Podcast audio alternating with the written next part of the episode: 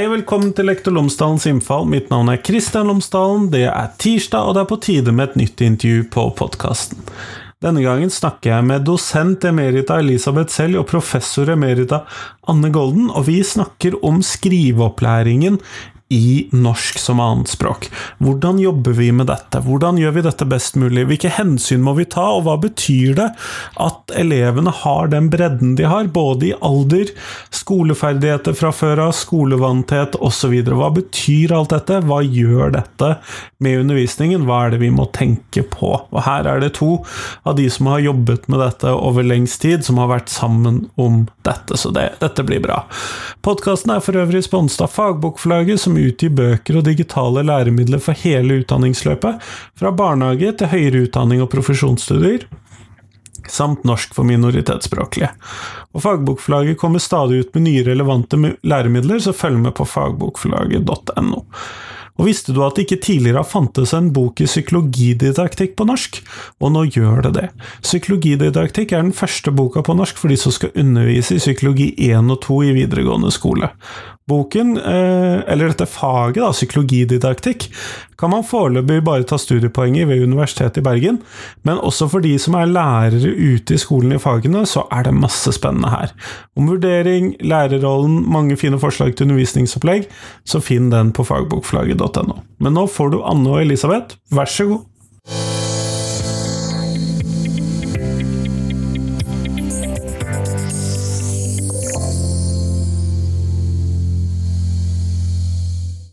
I dette intervjuet så snakker jeg med to av forfatterne, også redaktørene, på boken 'Skriving på norsk som annetspråk'.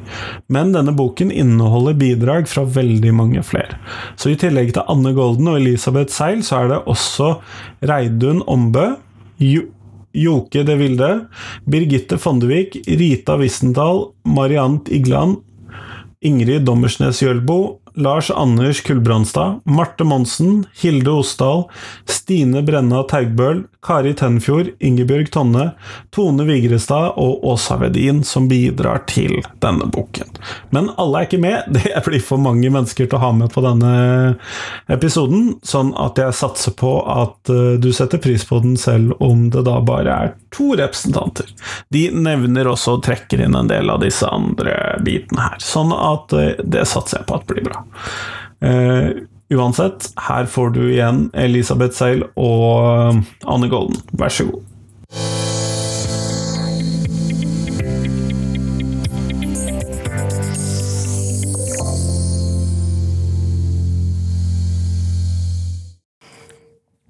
Anne og Elisabeth, tusen takk for at dere har tatt dere tid til meg i dag før vi kommer litt sånn ordentlig i gang, så hadde jeg håpet at dere kunne fortelle meg tre ting om dere selv, sånn at lytterne kan få bli litt bedre kjent med dere. Og hvis vi da kan starte med deg, da, Anne.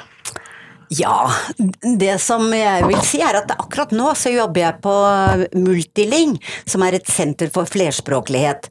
Eh, og det syns jeg er utrolig givende, for det er et så aktivt miljø. Internasjonalt miljø.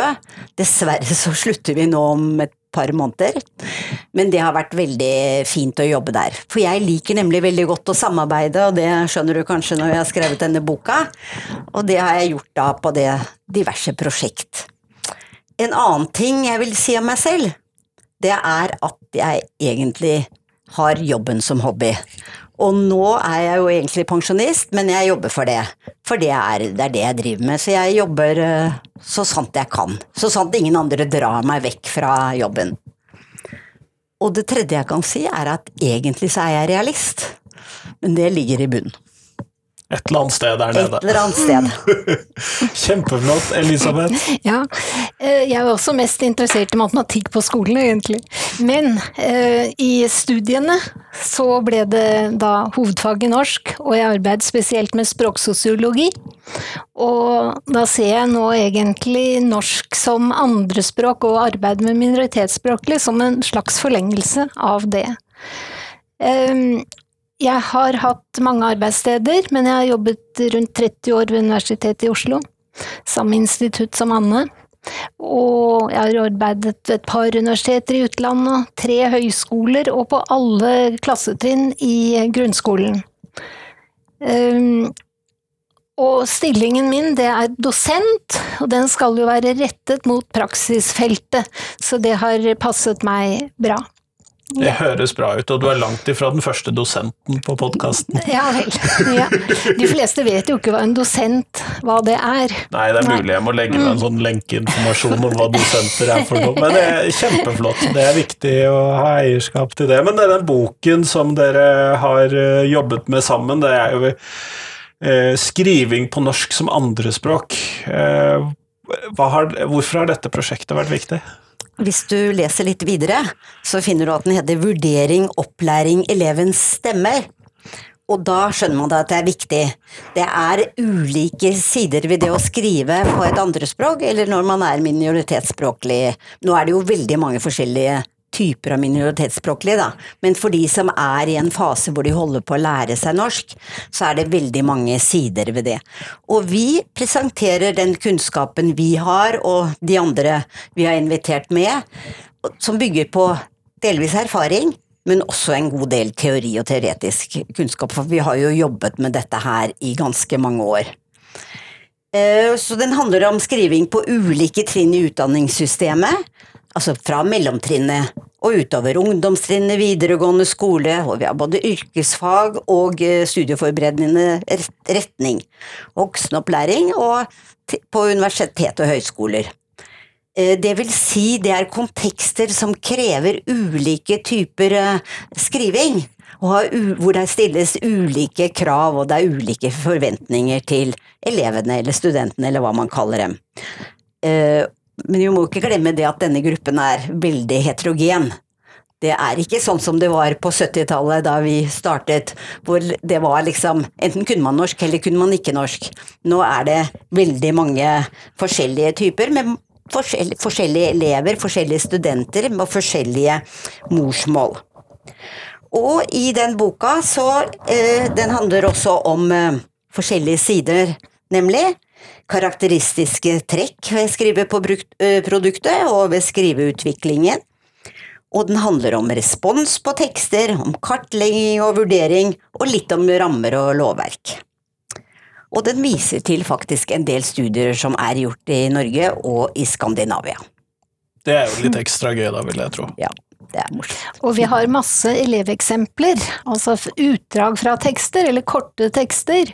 Så jeg tenker at man lærer mye av å studere disse eleveksemplene. De viser jo mye av kompleksiteten i de ulike fenomenene. Men denne utro... For dette, dere tegner jo opp da et bilde om alt ifra relativt ferske elever, litt sånn som de som begynner på skolen sammen med alle disse andre elevene, mm. til godt voksne mennesker. Mm. Fra hele verden, i alle skoletilknytninger osv. Dette er jo nesten så komplisert at det kanskje burde vært flere fagfelt. ja, og noen har jo selvfølgelig spesialisert seg på f.eks. Eh, tekster og opplæring av grunnskoleelever.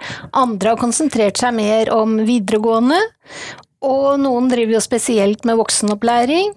Og selv har jeg hatt en del fokus på studenter, blant annet, og grunnskoleelever, da.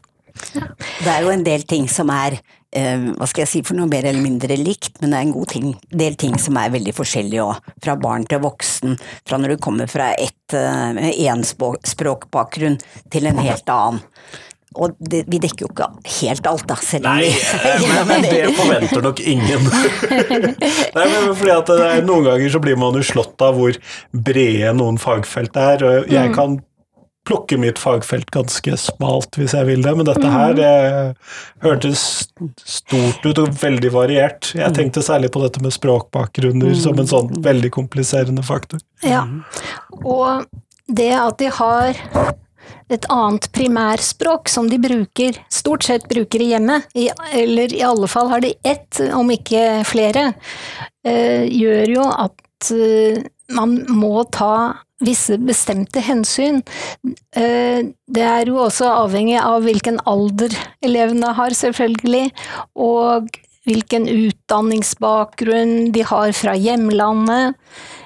Eh, og ikke minst psykiske belastninger, og så læringsmiljø. Det spiller utrolig stor rolle for disse elevene, enten de er barn eller studenter.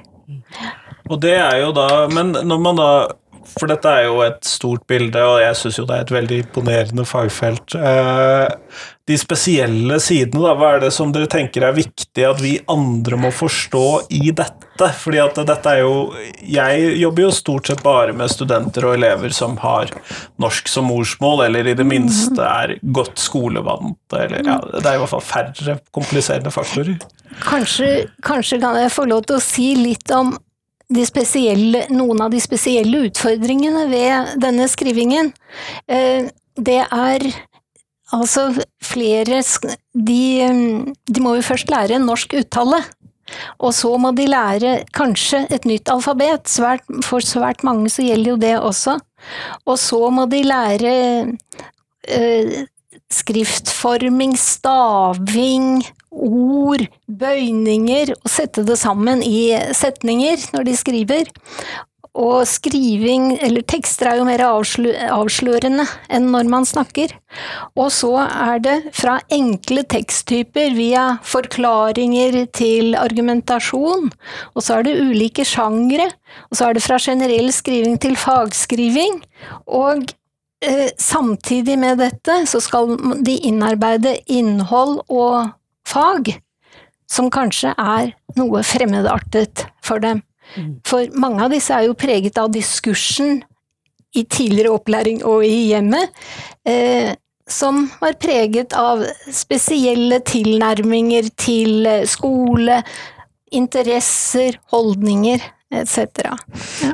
Det som er interessant, er at det der er den ene enden av skalaen. Ja. Så har du de som er vokst opp i Norge, men som kanskje snakker mer et annet språk hjemme, og som høres veldig norske ut når de begynner på skolen. Eh, så folk tenker kanskje ikke på at de har et, kanskje et mindre ordforråd, at det er mange ting de ikke eh, fikser på samme måte. Så det er det å oppdage også at eh, noen har andre problemer, da. Mm. Ja, for, for, dette her drar de jo plutselig inn i normalklassen også. Ja. ja. Og de kommer jo ganske raskt inn i normalklassen, kan du si. Og i normalklassen så har de jo forskjellige fag og forskjellige ting som skal læres. Og ja. Så læreren må nesten huske på at én ting er det temaet de skal behandle, innholdet og språket som er aktuelt for det temaet. Og så må man da tenke nøye gjennom hvordan kan man eh, bruke dette. Eh, og de fleste som skriver i denne boka, tar jo utgangspunkt i en sosiokulturell tilnærming. Så man må samhandle med elevene. Tydeliggjøre, snakke og ta opp det Man må kjenne elevene sine såpass godt at man kan vektlegge det de har utfordringer med.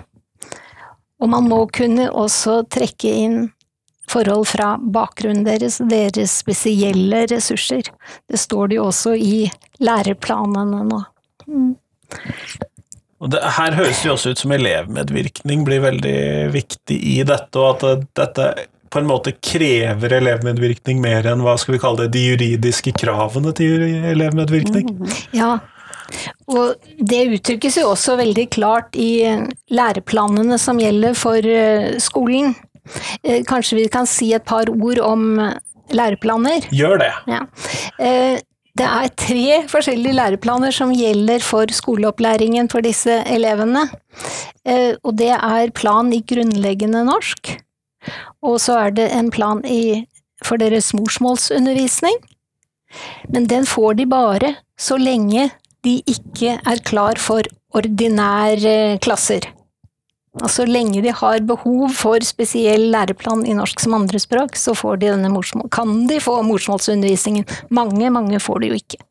Og så er det en tredje plan som gjelder for de som har kort botid i Norge og som går på videregående skole. Og de kan ta eksamen. Den første planen er det ikke eksamen etter, men den er delt inn i nivåer. Én, to og tre. Og etter nivå tre, eller når de er på nivå tre, så kan de eventuelt Det er meningen at de skal kunne følge ordinær norskundervisning, ordinær fagundervisning. Det høres jo ut som at man må være en relativt eh, kompetent lærer for å kunne møte dette. ja, og det er jo mange forskjellige tilnærminger til skriveopplæringen. Og det ha, altså, vi kan snakke om den tradisjonelle tilnærmingen, og det er vel det som eh, har lett for å bli litt dominerende. Det er, at, det er et sånn korrekthetsjag, kan du si. Men på en annen side, elevene skal jo gå på skolen, de skal konkurrere, altså de skal komme seg ut av skolen og få karakterer og komme inn i de retningene de vil. Så det er viktig at de på en måte skriver korrekt, i hvert fall når de har kommet så langt at de skal ut av skolen. Og da kan du jo si at det er en del tips som lærerne kan uh, bruke, og som kanskje lærere har vært veldig bevisst uh, i lang tid, og det er at de som kommer med én språkbakgrunn, har andre problemer enn de som kommer med en annen språkbakgrunn. Og uh, det pleier vi å kalle tverrspråklig innflytelse. Og da vet vi at noen har problemer kanskje med verbbøyning, noen har problemer med uh, syntaksen. Uh, for noen er ordforholdet enkelt, for det er mange ord som ligner. Andre har jo helt andre ord, uh, altså ord Hva skal jeg si for noe røtter som ligger til bunn. Så det er veldig mange ting som er ulikt. Så har man det som også kalles ulike måter å hva skal jeg si for noe, konseptualisere eller se verden på. Og da gjør det at man for eksempel, vi ser det ofte gjennom bruk av preposisjoner. At du kan ja, de er si, vanskelige. Ja, de er vanskelige, men hvis du tenker på forskjellen på å eh, handle noe på markedet eller i markedet. Og da er det da hvordan konseptualiserer du et marked?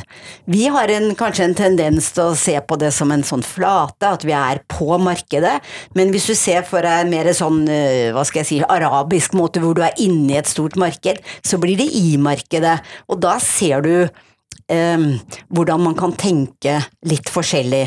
Eller så kan man ha forskjellig altså Ett språk, sånn som norsk, kan ha samme måte å konseptualisere ting på.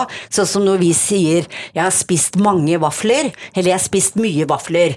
Altså Begge de to tingene går fint, men det ene tilfellet tenker du på hver enkelt vaffel mange.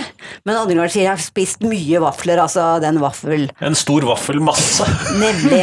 Og det er sånn, ikke alltid man kan bytte de tingene om hverandre, så det er noen feil kan være for at man ser på ting litt annerledes. Og da er det jo på språksammenligninger, språktypologi, som går både på ja, preposisjoner, som jeg sa akkurat nå, men veldig mye når det gjelder syntaks og morfologi. Noen språk har mye morfologi, noen har lite, osv. Og, så og at lærerne har en bevissthet om det, sånn at de kan veilede studentene og elevene på den måten som trengs, så de ikke bare føler seg at de ikke kommer noe stykke, men at de eh, faktisk skjønner hva det er de gjør feil, da, hvis man skal bruke det ordet feil. Jeg husker da jeg jobbet med barn fra Vietnam i første til sjette klasse, samlet i en gruppe, og det eneste som da fantes av læremateriell, det var blokker fra grunnskolerådet. Og der var det ikke tekster, det var bare løsrevne ord og korte eksempler. Og for eksempel da å lære om fortid, når det står 'i går leste han', så ser vi en som leser.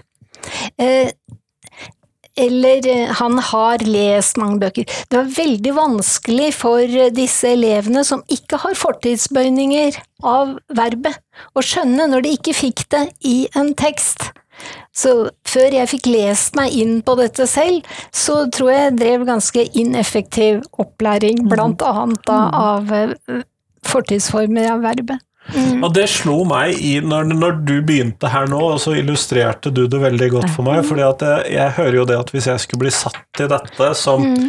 litt tilfeldig religions- og samfunnsfagslærer ja. uh, Dette er gresk for meg. Ja. og ikke på en god måte. ja. Men du, nå har du snakket om eh, den uh, tradisjonelle tilnærmingen. Kan jeg si et par ord om mer funksjonell tilnærming? Da, da tar man mer fokus på tekster, og man tenker på, spesielt på tekster som elevene skal skrive i skolen, og som de senere må beherske i yrkeslivet. Og der legger man spesiell vekt på å skrive prosessen, så man jobber fram sånne tekster. Eh, jeg, i, jeg skrev et kapittel om skriveopplæring i yrkesfag, hvor jeg hadde samlet tekster fra fire forskjellige videregående eh, skoler, og lagde et korpus på jeg tror det var 220 tekster. Eh, det var andre klasse i, på yrkesfag. Og eh, der gransker jeg flere typer tekster, annet logger, og sammenligner eh, det man kunne tenke var sterke tekster, med det som er svakere tekster. Også de sterke tekstene kunne være av minoritetsspråklige. Eh, men da prøvde jeg å finne ut hva som er forskjellene, og etterpå hvordan man kan jobbe med dette. Og da var det jo helt tydelig at en god del av de minoritetsspråklige i disse klassene, de hadde problemer med å være faglig presise i loggene sine. De hadde problemer med å uh, ha en klar tidslinje og beskrive gjøremål og objekter og forklaringer kunne være veldig svake.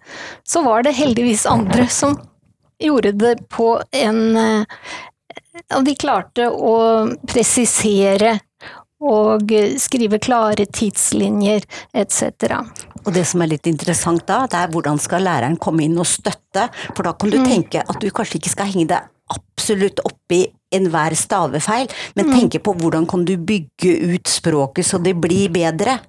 Så du får med deg mer, kan du vise at du har skjønt hvordan du skal gjøre det, og mm. ikke bare tenke på at åh, det er jo feil, feil, gjøre det rødt og rødt og rødt, ikke sant. Ikke minst på yrkesfag så har jo lærerne masse anledning til å jobbe mer praktisk sammen med elevene, og sette ord på hva man gjør, hva det heter, det man bruker, og hvorfor man gjør det ene og det andre.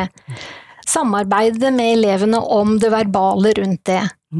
Og man kan da sammenfatte etterpå felles i klassen hva man har gjort, hva man har funnet, og Eventuelt så kan man lese en tekst av en tidligere elev som har gjort det på en fin måte, og så kan elevene øve seg med å skrive en individuell tekst.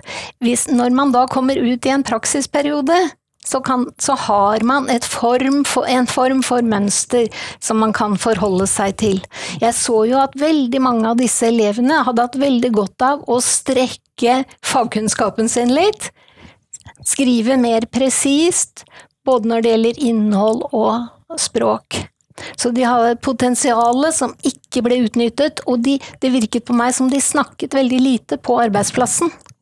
Dette gjelder eh, elektrofag eksempel, også bygg- og anleggsfag, og delvis også helsefag. Så de må få et mer faglig språk, da, er det det ja, som Ja, riktig. Mm. Eller få muligheten til å bruke det. Ja. Det er akkurat det, at du blir gitt en mulighet, og jo lenger opp i klassene du kommer, eller i voksenopplæringen, så er det jo veldig viktig at de blir tatt med inn, hvis det er på arbeidsplassen, da, hvis det er opplæring på arbeidsplassen, at de får være med og få, del, få delta, og at man da bruker betegnelser på ting. Altså ikke bare si ta den der, og så istedenfor å ta svampen eller ta Ikke sant. Får med seg disse ja, ordene som skal læres, som kan være fagord, ikke sant. Men det gjør det jo kanskje desto viktigere at man har en hva skal vi kalle det, at man har en sånn profesjonsfellesskapsfølelse ute i den sammenhengen. At man kanskje ikke nødvendigvis prater om hva som gikk på TV, eller klager over Bybanen, eller hva man nå driver med. Skjønner du hvor Eller et eller annet, men at man faktisk snakker da fag sammen mellom lærere og elever, eller mellom lærlinger og ansatte, eller ja. Ja, det er riktig. Så eh, de ansatte burde kanskje også eh, få vite litt mer om eh, at det er elever her som ikke behersker norsk, kanskje, på et innfødt nivå. Dessuten så hadde sikkert de norsk, genuint norskspråklige hadde sikkert også hatt nytte av at man setter ord på mer. Ja. Men eh, noen vil tenke at den tilnærmingen som jeg nevnte med altså, skriving i ulike faser, at det er veldig tidkrevende. Ja, det kan være tidkrevende, men Kunnskapsløftet de argumenterer jo også for dybdelæring. Her ville det være i tråd med det. Mm. Og så er det jo noe med det der at man skal ha tilpasset opplæring, og tilpasset opplæring kan jo da være å få et funksjonelt faglig språk i sammenhengen man skal være i. Ja, absolutt. Nå er det jo sånn at det er en egen læreplan, som jeg sa, i grunnleggende norsk. Men elevene har likevel rett på støtte når de har kommet over det tredje nivået der også. Og dessuten så er det sånn at veldig mange elever de settes rett inn i klassene uten å ha fått den, bruke denne særskilt utviklede planen. Um, og da er det jo utrolig viktig at lærerne er oppmerksomme på at ting må verbaliseres og tydeliggjøres, og at de må få individuell respons. Mm. Jeg tenker på en ting, altså jeg jobbet en, en god del med ordforråd. Og hvis du tar et alminnelig fag, da, naturfag eller historie eller samfunnsfag eller noe sånt noe, og hvis de, la oss ta eksempel fra naturfag, så leser elevene om det på, i læreboken sin eller fra andre steder. Men det er viktig at lærerne tenker om hvilke ord er det som er viktige her når man skal snakke om hva skal jeg si for noe, miljøvern eller noe sånt noe. Kanskje det er det er ikke nødvendigvis alle disse fremmedordene, eller de som Også de norske elevene, hvis du vil kalle de med norsk som førstespråk, da, de, som de eh, skal lære også, men det er alle disse inni, altså mellomordene, og de som eh, forklarer de ordene som er, eh, som er fagord, da. Og at man er bevisst hvordan eh, også funksjonsord, altså grammatiske ord, eller hva du vil kalle det, binder ting sammen. At det er viktig å få med Det er forskjell på fordi og selv om, ikke sant?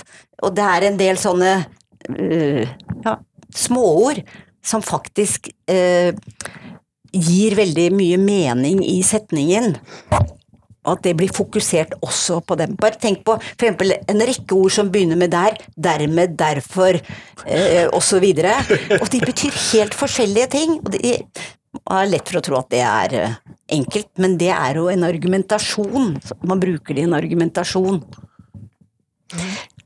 Eller så kan vi nevne at uh, i et av kapitlene her så skriver Birgitte Fonnvik om kartlegging og vurdering.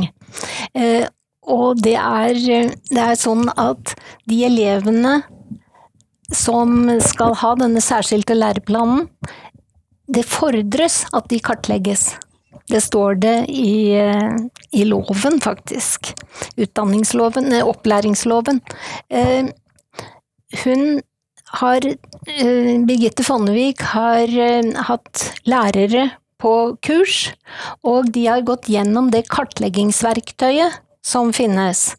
Og de har drøftet hvordan det er, og hvordan det fungerer. Og dette skriver da Birgitte om i eh, sitt kapittel.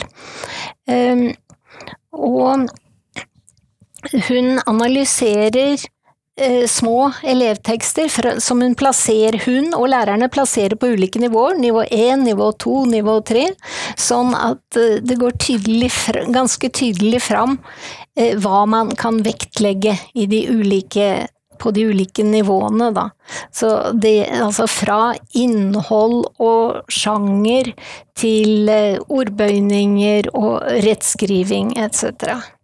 Da er det et spørsmål fra min side som har lite erfaring med dette. Hvem er det som har mm. ansvar for å gjøre den kartleggingen? ja. De skal kartlegges, og det er sånn at bare når de har gjennomført en kartlegging, så har, rett, har, skolen rett til å få midler til særskilt opplæring av disse elevene. Så det er skolens skråstrek lærerens ansvar? For Læreren ja. oftest som gjør det, da. Ja. Og da varierer det jo veldig hvor mye erfaring de har. Og da er det jo nyttig å kunne se på flere sånne eksempler, slik som da, det høres ut som Birgitte har. Det er det, for hun konkretiserer det veldig. Det er ikke lett og, og, å drive denne kartleggingen hvis man ikke har utdanning innenfor norsk som andrespråk. Eh, og faktisk så er det jo 70% av de lærerne som underviser i særskilt norsk, de har ikke utdanning innenfor akkurat det. Så de har norsk etc. Og når vi snakker om kartlegging, så kan vi også si generell vurdering. Altså testing. Det er jo veldig mye testing av elever. Og eh, norskkunnskaper, og det kreves forskjellige ting. Og da eh, Marte Monsen og jeg har skrevet en artikkel der om vurdering. Og da er det veldig viktig å vite hva, hva, slags vurdering er det, hva er hensikten med den? Og det hender ofte, også fra, hva skal jeg si for noe, fra øverste hold, at man ikke har det helt klart for seg. For det hvis man skal eh, Altså, skriftlig, når er det man må kunne skrive korrekt, og når er det at det ikke er fullt så viktig at det er helt korrekt. Og da er det også viktig at de oppgavene de får å skrive, samsvarer med det nivået det skal ligge på, da. Ja, også, også eh, med den, hva skal jeg si for den situasjonen eh, de er i. Sånn som det var på et eller annet eh, eh, En eller annen gang så var det eh, Det er voksenopplæring du snakker om? Ja, nå er jeg inne på mhm. voksenopplæringen. Mm -hmm. Og da fikk de elevene, eh, studentene som holdt på å lære norsk, de fikk i oppgave å skrive og klage til et reisebyrå for en ferie de hadde vært på. Og da, det passer jo ikke så godt hvis du aldri har reist med sånn charterfly til utlandet. Og det er jo ikke sikkert at det passet akkurat for de som skrev der. Flyktning som har vært to år i Norge, f.eks. Mm. Ja, og det, du klage Jo, du kan jo klage, selvfølgelig, men du har jo ikke så mange å klage til på denne turen til Norge. Nei, nei. Men det er trangt at du må ha oppgaver som passer for den, den gruppen, målgruppen, ja. og så må du egentlig vite hva hva er det du Hvorfor skal de Altså, hvor riktig skal språket være? Hvor kommunikativt skal det være? Og jeg var med på en eh, undersøkelse blant lærere om eh, hva de mente om eh, hvor mye taxisjåførene burde kunne ha norsk. Var det viktig at de skulle ha norsk skriftlig på veldig høyt nivå? For eksempel. Eller trengte de å prate godt norsk? Ja. Man må i hvert fall ha veldig klart for seg hva som er hensikten når det er en vurdering. Og det er ikke alltid at det er bevissthet, men det er, det er ikke Lærerne må jo ofte gjøre ting selv om de kan være kritiske til det. Ja, det må de jo. Men disse verktøyene som er utviklet, eller det verktøyet som nå er utviklet for eh, skoleverk iallfall, eh, det har, det har vært i flere utgaver, og det har vært jobbet veldig lenge med det. Og for meg framstår det som eh, veldig seriøst. Og de, de, kartlegger også hva eleven f.eks. kan innenfor sitt eget førstespråk. Mm. Og det er selvfølgelig alle ferdigheter kartlegges. Du kan si at det er en ja. underveisting som hjelper mm. lærere og hjelper elevene, men mm. det er den på slutten som skal slippe voksne eller, eller ja, ungdom ut, ut i verden. ut i verden, eller inn på noe videre, så må man være veldig bevisst at den er hensiktsmessig, da. Jeg har lyst til å si et par ord om høyere utdanning. Altså, der er det det er gjort svært lite som gjelder støtte og tilrettelegging for minoritetsspråklige studenter. Og jeg hadde en fokusstudie på Universitetet i Oslo, og da kom det jo fram at både studentene, enten de har vokst opp her, eller de har kommet hit i voksen alder, de har særskilte utfordringer. Det mente de selv, og det mente lærerne fra ulike fakulteter. Og lærerne var til dels eh, litt desperate, for de sa at vi kan, vi klarer ikke å hjelpe dem, og vi har ingen som kan støtte oss. Ja. Og jeg, jeg syns jo dette er litt rart. Eh, det første, i hvert fall dette med at det ikke er gjort så mye forskning på. For jeg ville jo tro at eh, som universitetsansatt så måtte man jo sett på dette som en veldig tilgjengelig gruppe å undersøke. du, eh, de som kommer til Norge og ikke kan noe norsk, de er jo i en litt privilegert gruppe, for å si det sånn, privilegert i hermetegn, for de får komme inn på norskkurs. Så de får tilrettelagte norskkurs, i gjennomsnitt ca. ett år.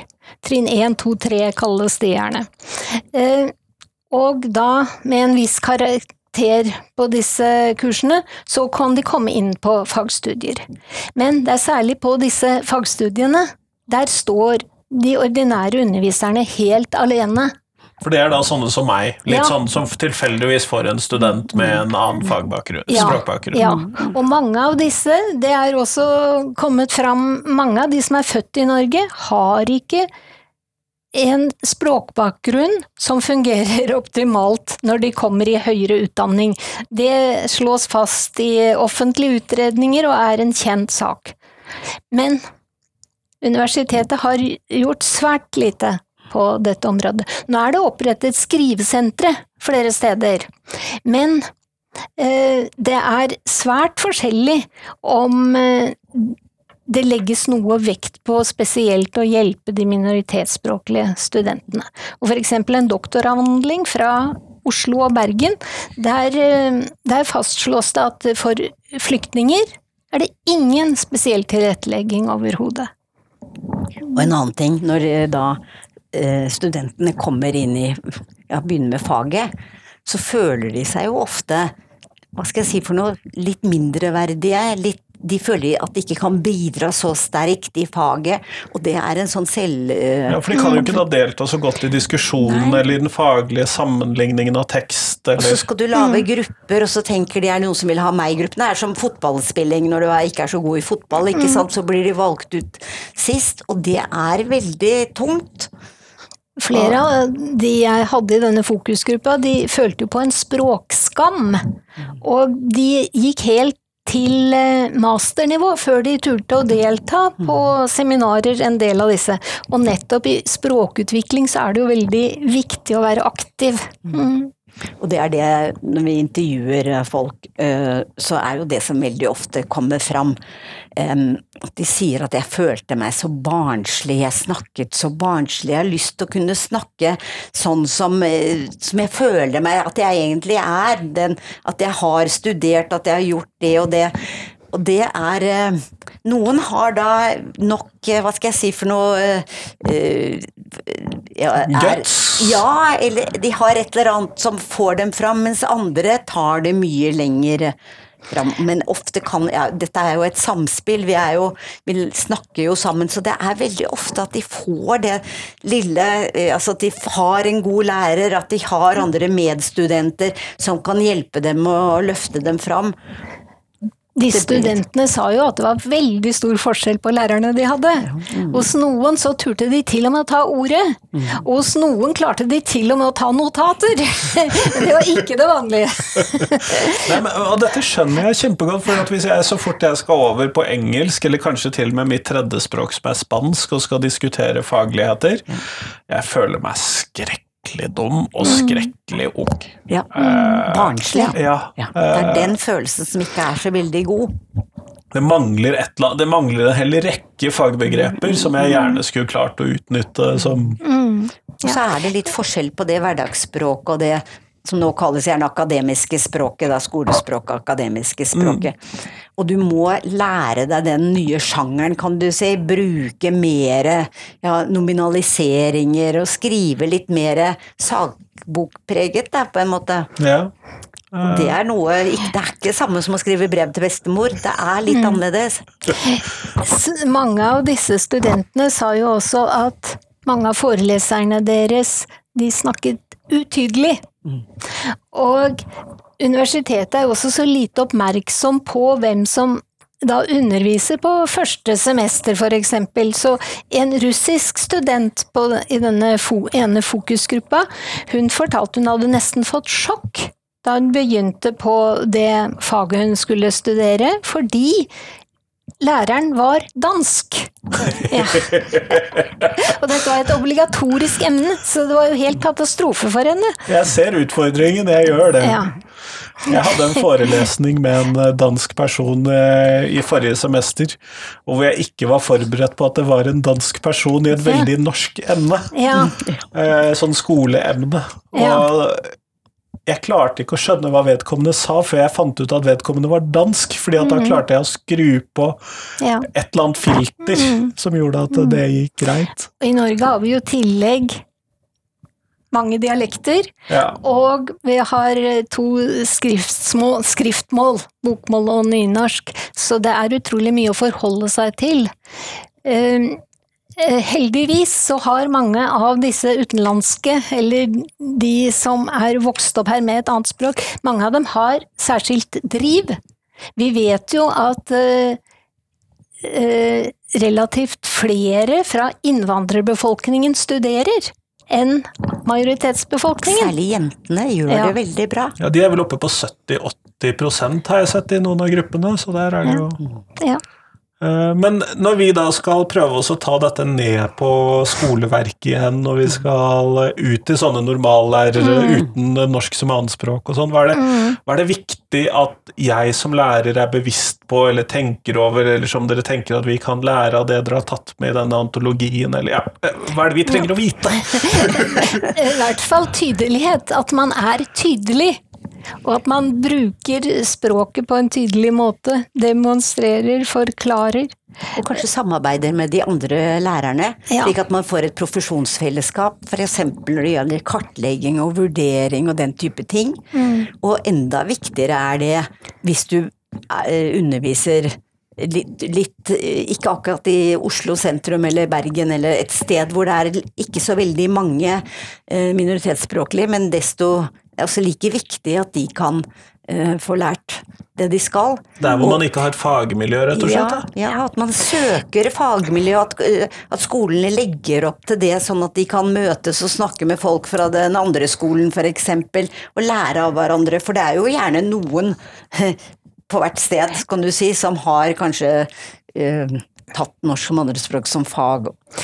Og så Så kan du jo nevne Nasjonalt senter for flerkulturell opplæring, NAFO, som ligger ved Oslo OsloMet.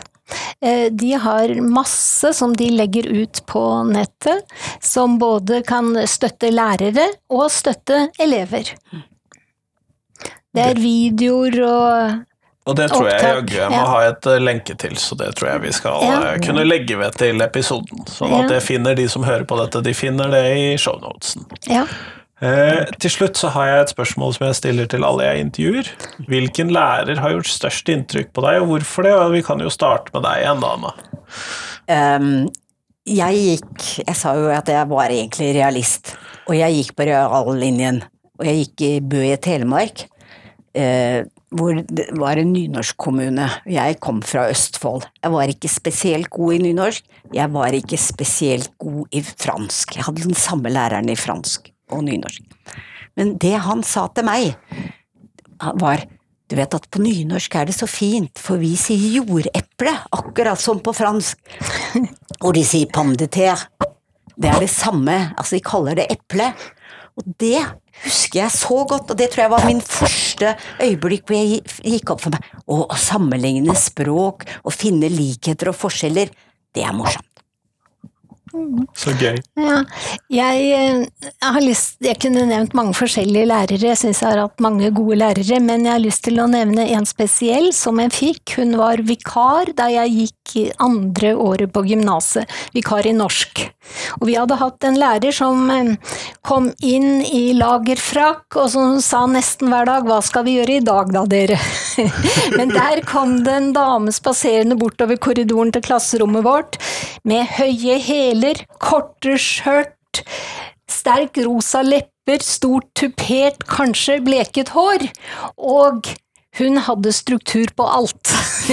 Eh, og samtidig klarte hun å sette oss i gang med gruppearbeider. Det var den første gangen jeg opplevde gruppearbeid i min skolegang. Eh, Vi ble veldig glad i henne. Og jeg tror nok hun drev litt tradisjonell skriveopplæring. Eh, Jeg har lyst til å nevne et eksempel. En gang vi fikk jo enklere oppgaver i nynorsk enn i bokmål. En gang så hadde vi fått oppgave om å skrive om et barndomsminne. Så var det en av elevene som han var veldig flink til å skrive, og han var politisk engasjert, så han skrev om Vietnamkrigen. og da husker jeg denne læreren ble skikkelig sint og ga han noen, og han pleide jo å få M eller S. Ja. Men denne læreren, jeg husker henne veldig godt, og hun er hun ble etter hvert Da var hun 28 år, men hun ble professor i skrivedidaktikk ved NTNU. Og det er Torleiv Løkenskar Hoel. Ja. Hun hørtes ut som et lite jordskjelv bortover gangen. Absolutt. Ja. Men Kjempeflott. Tusen takk for at dere tok dere tid til meg i dag. Takk.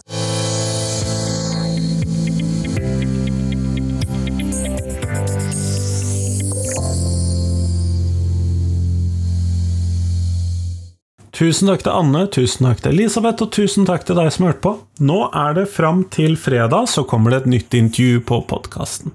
Og så kommer det et nytt intervju på tirsdag igjen, og så et nytt intervju på fredag igjen. Og etter det, gudene vet hva som skjer, det kommer i hvert fall et nytt intervju på tirsdager. Og så bør jeg slutte å love at det ikke skal komme intervjuer på fredager. Men det har du hørt meg si før, sånn at uh, dette tenker jeg går greit. Det blir i hvert fall minst én ny episode, og kanskje et nytt til, og kanskje en reprise. Så sånn ser det også ut i 2024.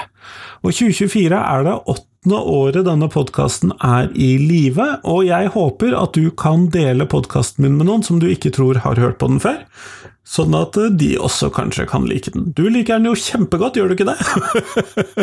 jeg håper i hvert fall det. Jeg er i hvert fall veldig glad for at du hører på podkasten min. Send meg gjerne noen ord om hva du liker å sette pris på, og hva du ønsker forbedring på i det hele tatt, så gjør gjerne det. Uh, og så, som sagt, del podkasten min med noen som du tror vil sette pris på den. Det gjør i hvert fall meg utrolig glad. Og nå, ha et veldig fint nyttår. Hei, hei.